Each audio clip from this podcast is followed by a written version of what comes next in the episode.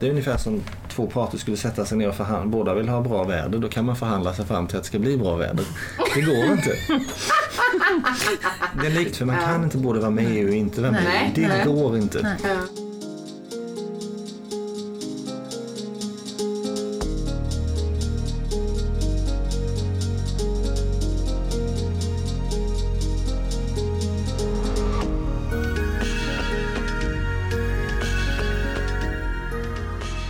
Hej och välkomna till Utrikeshandelspodden, en samtalspodd från Kommerskollegium, Sveriges myndighet för utrikeshandel, EUs inre marknad och handelspolitik.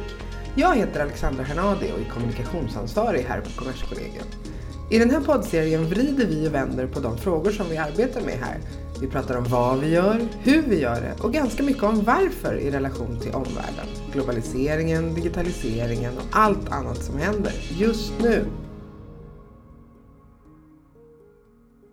Idag ska vi prata om den alldeles pinfärska 365-sidiga långa utredningen om Brexit som Kommerskollegium precis har levererat till handelsministern bara för en två veckor sedan ungefär.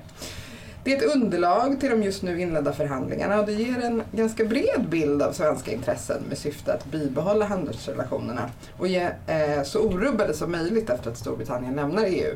Man kan säga att status quo är ett uttryck som förekommer ganska regelbundet i den här digra luntan.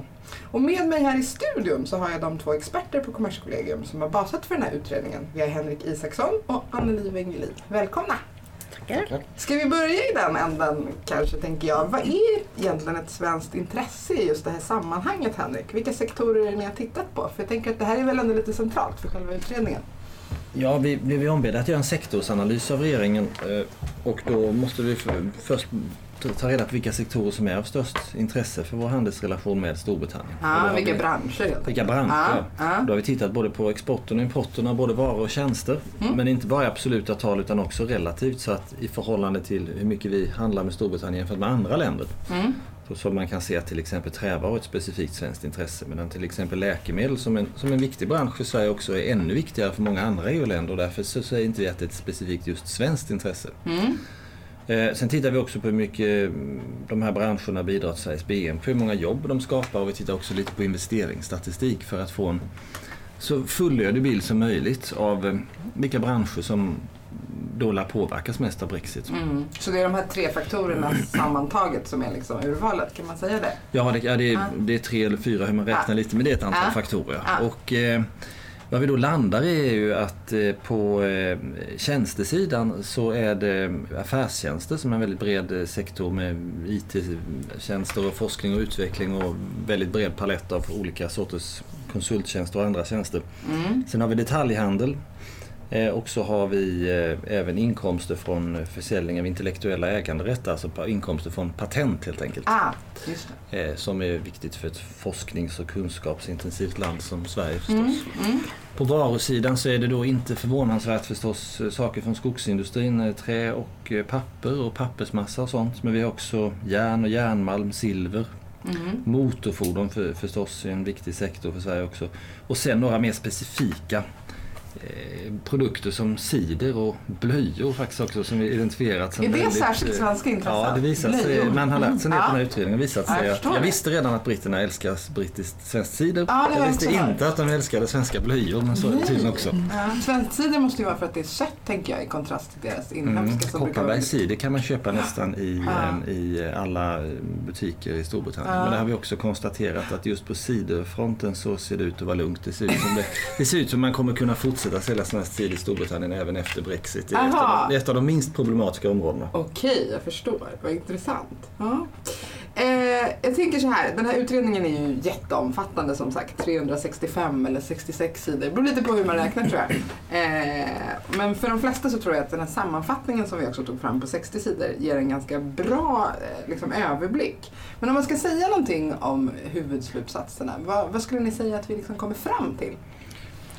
Vi kommer fram till två sorters slutsatser. Dels vilka problem som uppstår som ett resultat av Brexit om det inte ersätts av ett, något avtal. Mm. Och eh, det är det ena. Och det andra är vad det skulle kunna vara för avtal man kan ha för att lösa så många som möjligt av de problem som uppstår. Mm. Och om man tittar på den första delen då, vilka problem som uppstår.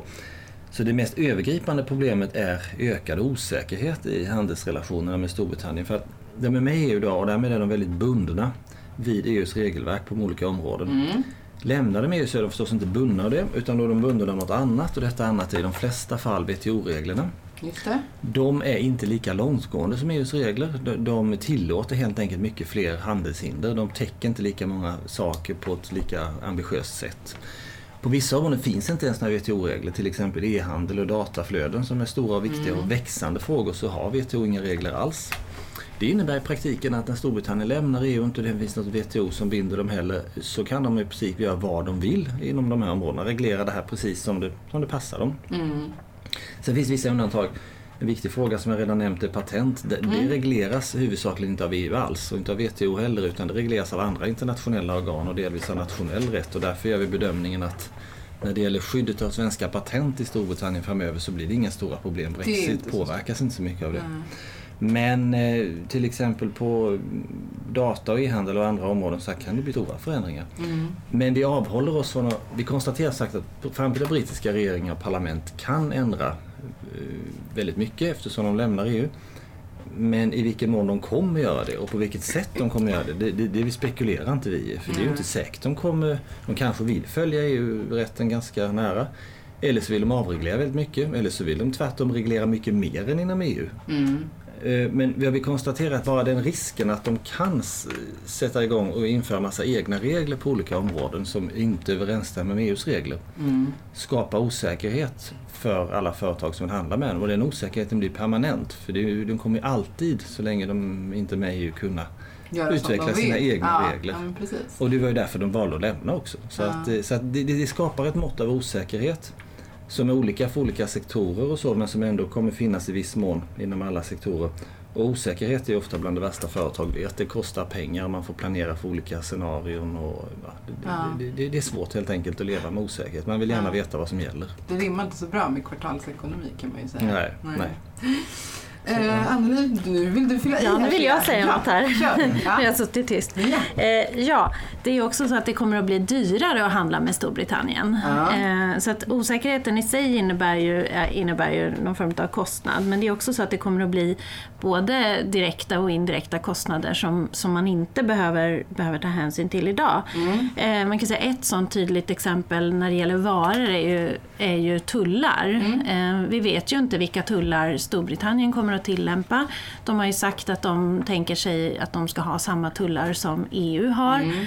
Eh, men sen vet man ju inte om det blir någon form av avtalslösning som innebär att det, att det blir tullfrihet. Det, där är vi ju inte. Men, men det kan ju bli tullar och på vissa varor så är ju tullarna rätt så höga. Till exempel motorfordon där de kan gå uppemot 22 procent. Så det är ju en, en kostnad som kan bli rätt hög. Eh, det handlar ju också om att men i och med att Storbritannien lämnar så blir ju de tredje land och då är det en massa olika krav på administration som man inte behöver ta hänsyn till idag. För idag när man handlar på EU-marknaden så är det som att handla på, mm, liksom inom Sverige. Det är ju Just inte det. särskilt mycket krångligare att handla mellan Manchester och Malmö som det är mellan Visby och Piteå. Så att, eh, men här tillkommer ju en massa administrativa krav. Eh, Det gäller ju till exempel då tullformaliteter för varor som tillkommer i och med att Storbritannien lämnar EUs tullområde. Vad kan det vara till exempel? Om vi ska Ehm, förklara. Ja, det är att man måste, när man ska importera en vara så måste man fylla i en, en tulldeklaration. Mm. Eh, och när man ska exportera så ska man fylla, fylla i en, en tulldeklaration. Och sen så är det lite andra, lite andra formaliteter kring det, vad man får göra med godset och sådär som man inte behöver ta hänsyn till i, i nuläget. Ja. Eh, Man kan behöva tillstånd för att importera eller exportera vissa varor som man inte behöver idag. Det kan vara att man vill hantera det på ett visst sätt. Man kanske behöver lägga det på ett lager. Då blir det tullager istället för ett vanligt lager. Det Ja. innebär kostnader. Eh, olika typer av bearbetning där man kanske vill ha nedsatt avgift när man ska återimportera eller, eller återexportera. Eh, när det gäller tjänster så kan det ju till exempel eh, bli så att man kommer behöva visum. Det vet vi ju inte. Kanske inte är så sannolikt men, men vi vet inte. Det kan inte uteslutas. Det kan behövas eh, tillstånd för att få utföra vissa tjänster så måste man ansöka om det och det kostar. Mm. Eh, man kan också konstatera att de här samarbetsfunktionerna inom EU som finns för att effektivisera hanteringen av olika ärenden upphör ju. Det finns ju ett väldigt omfattande samarbete mellan myndigheter för att man ska kunna lösa olika typer av hantering. Det är liksom mellan ett smidigt maskineri. Ja, Plötsligt ett smidigt så maskineri. kommer det då inte funka utifrån ett sånt läge. Precis. Det beror på vad man hittar för lösning Ja, man kan säga till Ja. exempel så finns det inom, inom EU ett IT-verktyg som gör att man på ett väldigt enkelt och smidigt sätt kan kontrollera så här, yrkeskvalifikationer och akademiska meriter. Man, man går in i det här systemet och kontrollerar om man då ska anlita någon från ett annat EU-land. Det faller de ju utanför när, de, när de inte längre ingår i det här. Eh, Och det här kommer innebära då också att det blir längre ledtider i själva hanteringen och det i sig innebär ju en kostnad för företagen. Man kan ju konstatera också att olika branscher kommer ju att påverkas i olika grad. Det beror ju på vad man liksom handlar med och hur det ser ut. Eh, och sen så ska man ju också tänka på att olika företag inom samma bransch kan ju påverkas på olika sätt beroende på vilken erfarenhet man har av tredjelandshandel, till exempel hur tidskritiskt det är det godset eller, eller de tjänster som man handlar med. Eller, eller så här. så det är ju omständigheter i det enskilda fallet som kommer påverka hur det slår. Och så kan man säga att branscher, om man handlar med varor som är tullfria enligt WTO-regelverket och som man då kanske har väldigt få regleringar kring. Det gäller till exempel så mineraloljor och papper. De påverkas i mindre utsträckning än branscher med höga tullar och många regleringar som till exempel fordonsindustrin. Då. Och det finns ju för vissa så avancerade produkter så finns det väldigt omfattande tekniska regleringar och de finns ju för att man ska liksom skydda säkerhet, hälsa och miljö. Ja. Ehm, och idag så omfattas ju Storbritannien av EUs regelverk när det gäller de här varorna. Men efter Brexit så kommer de ju kunna ändra precis som de vill. Och då kan man ju också säga det att även om de nu, för de har ju sagt i den här withdrawal bill, det det. som finns i den rättsakt som på något sätt ska överföra EUs regler Ja. till nationell lagstiftning i Storbritannien så har de ju sagt att de kommer att ta över i princip allt av EUs lagstiftning. Men även om de gör det så ska man ju tänka på att det är inte samma regler. Det är likadana regler men inte samma regler. Och det innebär ju att när myndigheter till exempel ska, ska tolka reglerna eller när de kanske hamnar i domstol av någon anledning så är det ju brittiska myndigheter prövas de på ett brittiska dom- sätt, Precis, då är det brittiska myndigheter och brittiska domstolars tolkning. Ja. För det är ju någonting som är väldigt specifikt för EU, att man har man har EU-gemensamma system och, och, och samarbetsformer för att säkerställa en enhetlig tolkning Ja. av det EU-gemensamma regelverket och här har EU-domstolen också en viktig funktion. Men efter Brexit så kommer ju inte Storbritannien längre att omfattas av det här så det innebär att även om reglerna i grunden är de, alltså ser likadana ut så kommer de ju så småningom att glida isär eftersom Storbritannien har sagt att man inte vill vara bunden av EU-domstolen. För på pappret så inbillar man sig att om man plockar över de här reglerna till ett annat system så skulle det funka likadant. Men så är det ju Precis, inte så är det ju inte. Och de lever ju inte i ett vakuum utan Nej. Mm. de kommer ju att, att förändras över tid. Ehm, så att det där, är ju, det där är ju någonting som är väldigt, väldigt viktigt att, Mm. att tänka på. Att man kan inte bara luta sig tillbaka för att man tänker att ja, ja, men de övertar EUs regelverk Mm. och så är det, är det Då kommer man lugnt med det. tillbaka med det här med osäkerhet också. Att, att, eh, det är lätt för en företagare förstås att tro att eh, om man tittar på EU-lagstiftningen och den brittiska, den är samma. Därmed är problemet löst. Och så kan det visa sig att samma text ändå betyder olika saker eftersom de lever i olika mm, sammanhang och juridiska sammanhang. Då introduceras ett mått av osäkerhet när man inte ens kan lita på att en likalydande text man betyder trodde. samma sak. Ja, man, man, man vet inte och den här osäkerheten kommer liksom Ja. plåga handelsrelationerna framöver. Och dessutom har de väl ändå uttalat, alltså jag tror att det faktum att man tar över lagstiftningen är ju, tror jag, mer en hanteringsmässig fråga. Man tar över allting men sen vet vi att det finns områden där de vill kunna ha Ja. egna regleringar. Ja. Så att där kommer det ju också att vara andra regler på sikt, även om, alltså där de verkligen har en önskan Ja, att ha en egen, eh, egna regleringar. Jag tänkte på en sak, ni har ju intervjuat en del företag, Mm. eh, svenska företag eh, i den här utredningen. Vad är liksom deras tankar kring det här? Hur är de förberedda? Vad kan man säga om det? Jag skulle nog vilja säga att många företag är inte så förberedda. Det finns naturligtvis exempel på företag som, som är det, mm. men min bild är nog att man kanske inte är så förberedd som man skulle önska att man var. Alla mm. pratar nog om det, men att man faktiskt inte har kommit så himla långt. Och det där kan man ju fundera över vad det beror på. Mm. Och då kan man ju tänka sig, liksom, det som många säger är ju det här att det är så himla svårt att förbereda sig för något som man inte vet vad det kommer att bli. Ja. Eh, det är så här, som någon sa, så här, ja men vi vet ju inte ens vad vi inte vet. Nej, ja. Så man vet knappt vilka frågor man ska ställa sig. Så ja. det är klart att det, det är ju problematiskt såklart. Eh, och sen så finns det då andra som kanske mer tänker så att ja, ja men men så här kan det ju inte bli. Det är klart att någon bara måste lösa det här. Mm. så att det, den finns nog också. Det var väl lite så, det resonemanget kände man ganska mycket inför mm. folkomröstningen mm. om Brexit. Så här, men det kan ju bara inte bli så här. Nej. Det blev det ju. Precis. Då, då, ska man nog tänka att eh, de allra, allra värsta scenarierna som till exempel att det skulle bli förbjudet att föra data mellan EU och Storbritannien. Ja lär man ju komma runt. Ja. Att man inte skulle kunna få flyga till Storbritannien. Just alltså, sådana saker känns som att det där bara, det där bara, där håller jag med, det ja. bara måste mm. lösas. Och det finns Det finns liksom incitament på båda sidor. Det finns starka incitament för det. För det vore en fullständigt extrem situation om man helt plötsligt inte kunde göra det. Men på många andra områden där det kommer gå att bedriva handel även i fortsättningen men där det blir svårare. Mm. Där kan man inte bara luta sig tillbaka som företagare och utgå mm. från att det kommer lösa sig. För i många fall så kommer det inte göra det. Mm. Och då räcker det inte ens med förhandlingsvilja på båda sidor för man förhandlar och försöker hitta en lösning som inte går att hitta. Mm. Därför man ska ju tänka det att hela EU är ju ett, ett stort legalt ramverk.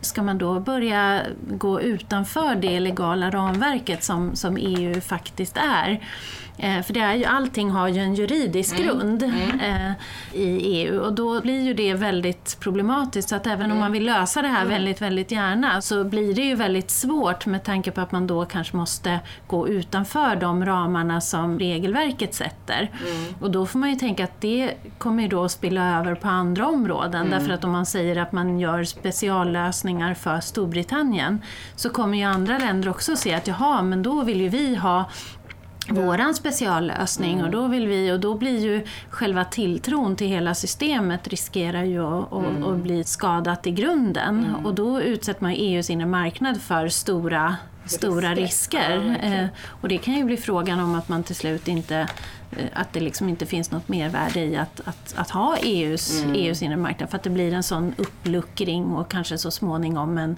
en uppsplittring av hela EUs mm. inre marknad. Och det är väl någonting som som vi ändå har konstaterat. Eh, vi gjorde ju en Brexit-utredning mm, förra året. Ja, ja, precis. Här blev det en snygg radioövergång här. Ja. ja. Eh, den utredningen eh, som vi då gjorde som gällde konsekvenser av Brexit och förslag till alternativa lösningar då efter Brexit. Ja på en, en, ganska övergripande nivå när det gäller både tjänster och tull och handelsprocedurer. Där var ju en av de mest framträdande slutsatserna var ju hur otroligt viktig och integrerad EUs inre marknad är och att det faktiskt är de de gemensamma regelverken och så som den fungerar. Att det är det som gör att vi har det smidiga flöde som, mm. som gör att det kan vara så enkelt att handla med andra EU-länder. Det är en förutsättning.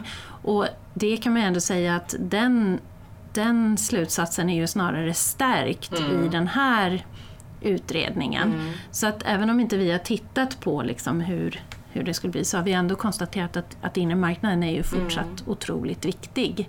Men hur ska man tänka som företag då? Jag tänker att man ändå vill ha några tips och råd utifrån er samlade liksom, erfarenhet. Mm. Kan man säga någonting om hur man ska förbereda sig? Ja, det är ju framförallt att göra någon form av nulägesanalys och titta på den verksamhet som man har med mm. Storbritannien. Eh, vad, vad, är det man handlar med? Mm. Eh, hur ser flödena ut? Är det varor och tjänster? Eh, hur ser regelverket ut för handel med tredje land i, om man tittar på de områdena? Mm. Eh, att göra en riskanalys på sin, sin egen verksamhet och också börja titta på hur känslig är man för störningar? Det här med om man, om man handlar med till exempel tidskritiska varor, behöver man ha större lagerhållning? Mm. Man måste prata med sina brittiska samarbetspartners, kolla hur de tänker kring det här, se över sina avtal för förutsättningarna kommer ju vara helt annorlunda efter Brexit. Mm.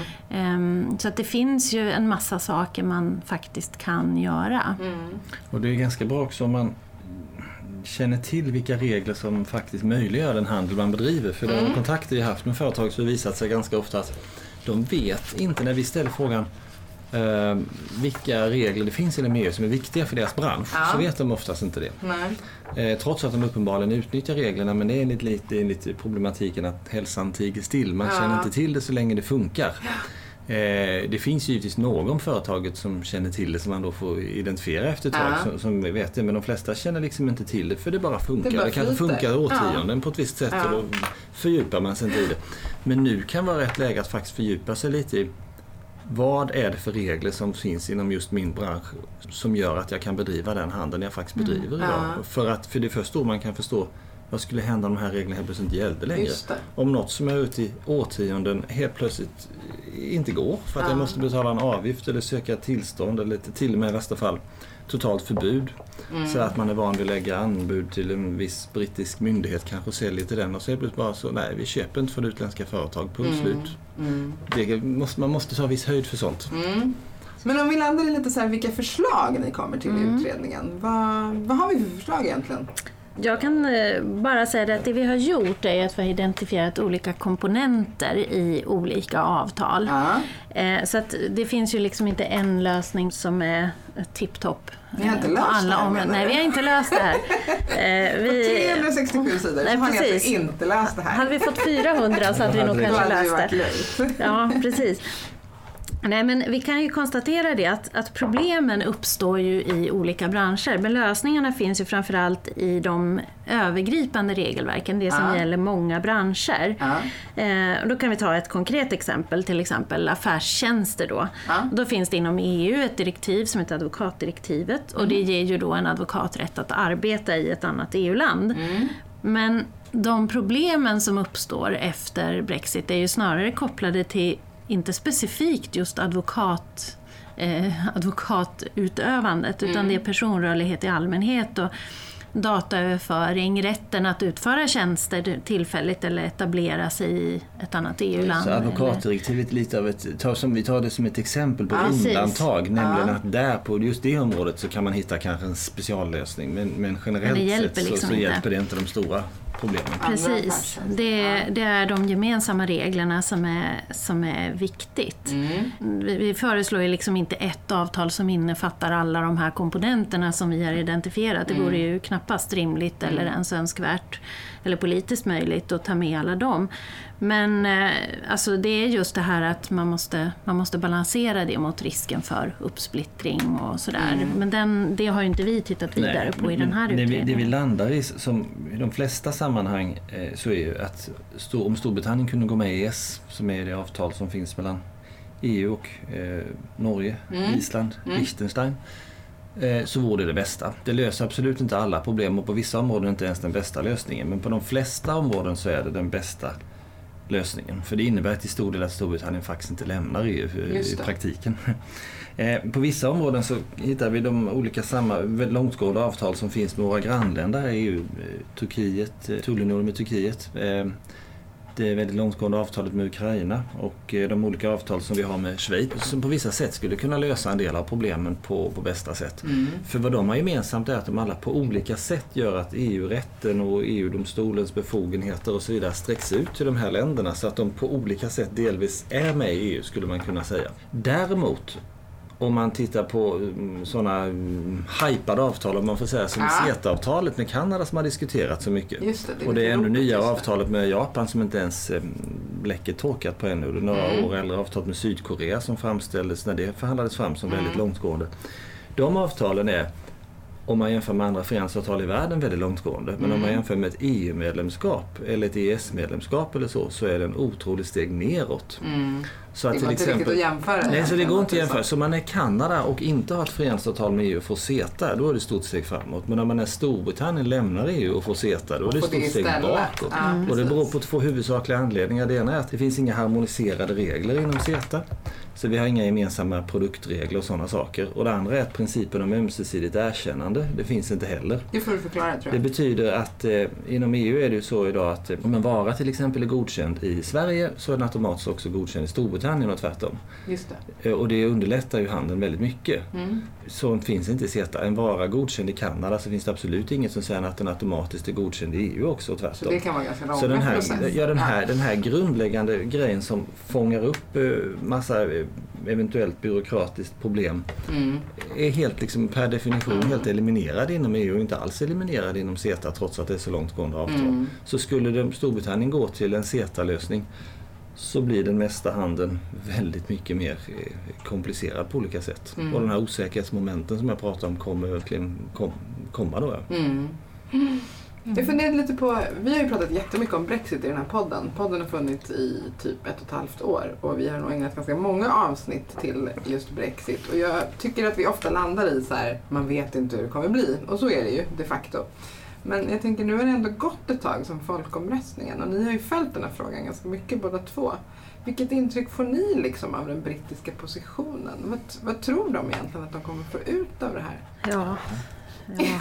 Det, det, det beror ju på vem man lyssnar på också. För Ja. att eh, det kommer väldigt många röster från den brittiska sidan. Det lustiga är att EU är 27 medlemsländer som ändå ganska väl talar med en röst och Storbritannien är bara ett land som talar med många röster. Det är Eh, För att olika, olika medlemmar i regeringen säger olika saker Ja. och även inom oppositionen säger man olika saker. eh, Så att eh, det kommer väldigt mycket olika synpunkter därifrån som ofta är Ja. totalt eh, motsägelsefulla. Ja. Och sen så skulle jag vilja säga också att det är ju inte så detaljerat det som kommer därifrån. Ja. Eh, Som man så hör att, i alla fall. Nej, men alltså de papper som har publicerats, Mm. det har ju ändå publicerats ett, en rad dokument. Mm. Ehm, och det är ju väldigt svårt att bilda sig en uppfattning om vad de verkligen verkligen vill. För jag Mm. tänker att de, de papper som vi har sett som har kommit från EU som är så här utkast är ju väldigt konkreta. Det Mm. är verkligen så här på nästan partikelnivå. Så här, ja men så här behöver det fungera eller det här vill vi. Eh, Medan mycket av det vi har sett från brittiskt håll är ju fortfarande väldigt fluffigt och löst i kanten. Och, och det är så här, ja vi skulle på lång sikt eh, vilja se en sån här lösning. Och då tänker jag att eh, tiden går ju. Ja. Det är inte så lång tid kvar innan de ska lämna, så de här väldigt långsiktiga lösningarna kanske man kan ha som någon slags ambition i ett avtal framåt. Men, men det finns ju väldigt mycket som måste lösas på, på kortare sikt än så. Men utifrån det, det som jag har tagit del av i alla fall så tycker jag ju inte att det är så konkret att det går att bilda sig någon uppfattning Nej, om vad de... linje, liksom. Nej, det är väldigt svårt att se vad de prioriterar. Man pratar ju fortfarande om att man vill ha det här deep and special partnership och det, ska det. vara, och det ska vara det mest långtgående Ja. som någonsin Ever. har funnits och så. Och det är väldigt, väldigt svårt att bilda sig en uppfattning om hur skulle ett sånt kunna se ut. Ja. Det går inte riktigt att utläsa av det som har kommit hittills. Så det gör ju att det är väldigt, väldigt svårt att förutse vad det här kommer bli. Nu höll ju Theresa May något sorts mm, tal, linjetal eller så förra veckan och då Mm. låter det faktiskt ändå som att det är en ökad insikt i alla fall hos, hos henne personligen Mm. om att eh, det här kommer ställa till problem. För när hon tog över som premiärminister då pratade hon om Let's make Brexit a success. Ja, Det just bli det. Det var liksom ingångsvärden. Ja, så låter det inte alls nu. Nu Nej. låter det ungefär som det att, eh, på samma så. sätt som i vår rapport i den meningen att hon pratar om skademinimering. Ja. Hon säger ju öppet att det blir mer friction i handeln mellan Storbritannien och EU. Och det kommer bli handelshinder, det kommer bli problem. Och att vi visserligen måste hantera det men hon erkänner att det kommer bli problem. Vi kommer inte ha samma tillgång till varandras marknader som förr. Det erkänner hon. Eh, låter lite som hon beklagar det men ja. Så att det, det, det finns en ökad probleminsikt men det betyder inte att det finns en ökad insikt om hur man ska lösa problemen. Det är ju två olika saker. Nej, det är väl svårt inrikespolitiskt tänker jag för, för dem att tillfredsställa alla falangerna. Och så har man då EU-sidan som har ett jättemaskineri bakom sig och som verkligen Ja. har vana av att hantera det här. Så det är två det är rätt två olika, olika situationer kulturer. som, Ja, som faktiskt eh, ska försöka Sen får man förhandla inte här. ha en övertro till att det här går att förhandla också. För att det är ungefär som två parter skulle sätta sig ner och förhandla. Båda vill ha bra väder. Då kan man förhandla sig fram till att det ska bli bra väder. Det går inte. Den liknelsen har jag använt förr. För det, för det är ett sätt att visa omöj- det. Ja. Det är omöjligt. För man Ja. kan inte både vara med i EU och inte vara med Nej. Det nej. går inte. Ja. Eh, och därför så spelar det ingen roll om både vi och de vill komma överens om allting på ett sätt som gör att de kan fortsätta handla med oss som idag. Det går inte, för Nej. lämnar de så kan de inte det. Nej. Hur mycket Nej. båda parter än vill. Det är ingen politik i det. Det är bara ett faktum att det är så. Det kommer vi inte runt. Vi Nej. kan bara skademinimera. Vi kan inte få status quo. Hörni, tack så jättemycket för att ni kom hit och pratade om det här. Jag tänker så här, allt, och då menar jag verkligen allt, 365 sidor, finns att läsa för den som vill på kommers.se. Man kan även läsa en kortare sammanfattning på 60 sidor och så finns det massor med grafik och lite olika typer av saker. Så att vill man ta del av allt det här, och det låter ju som att ganska många, till exempel flera företag, borde göra det, så finns det rätt mycket maffigt att ta del av. Tack för att ni var med idag. Tackar. Ja. Tack.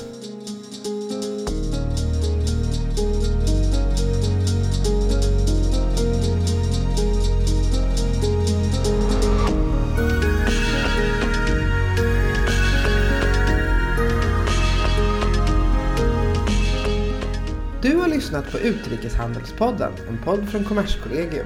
Följ oss gärna på Twitter, där heter vi Kommerskoll. Eller läs mer om vår verksamhet på kommers.se, vår Facebook-sida eller LinkedIn.